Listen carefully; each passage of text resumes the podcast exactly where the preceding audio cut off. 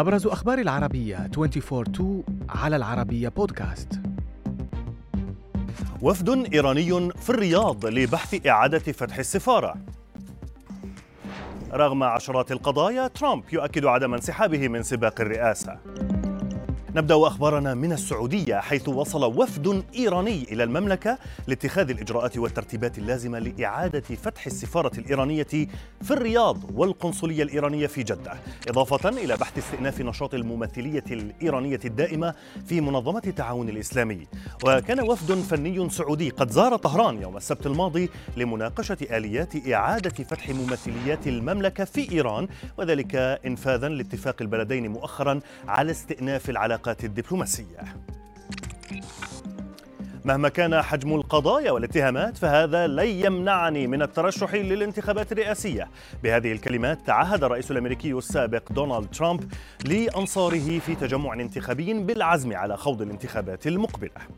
ترامب الذي يواجه 34 تهمة جنائية في نيويورك أكد أمام أنصاره بأن الرئيس جو بايدن غير مؤهل للترشح مرة أخرى على حد وصفه وأن لا شيء يمنع من الترشح حتى الإدانة.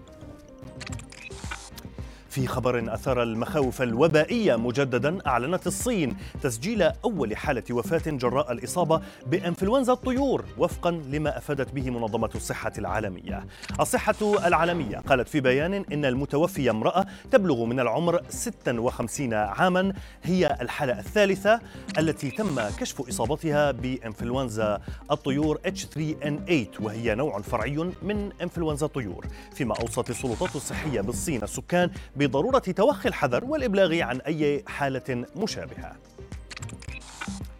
في عالم الرياضة صرحت دار سوثبي للمزادات بأن حذاء أسطورة كرة السلة الأمريكي مايكل جوردن الذي ارتداه في نهاية دور كرة السلة الأمريكي عام 98 تم بيعه مقابل 2.2 مليون دولار أمريكي.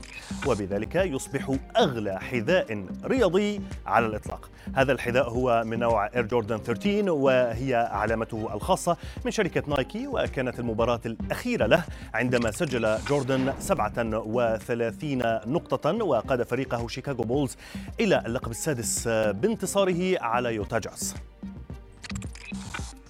يبدو أن ChatGPT دخل على خط التقنيات المساعدة للمكفوفين هذه المرة.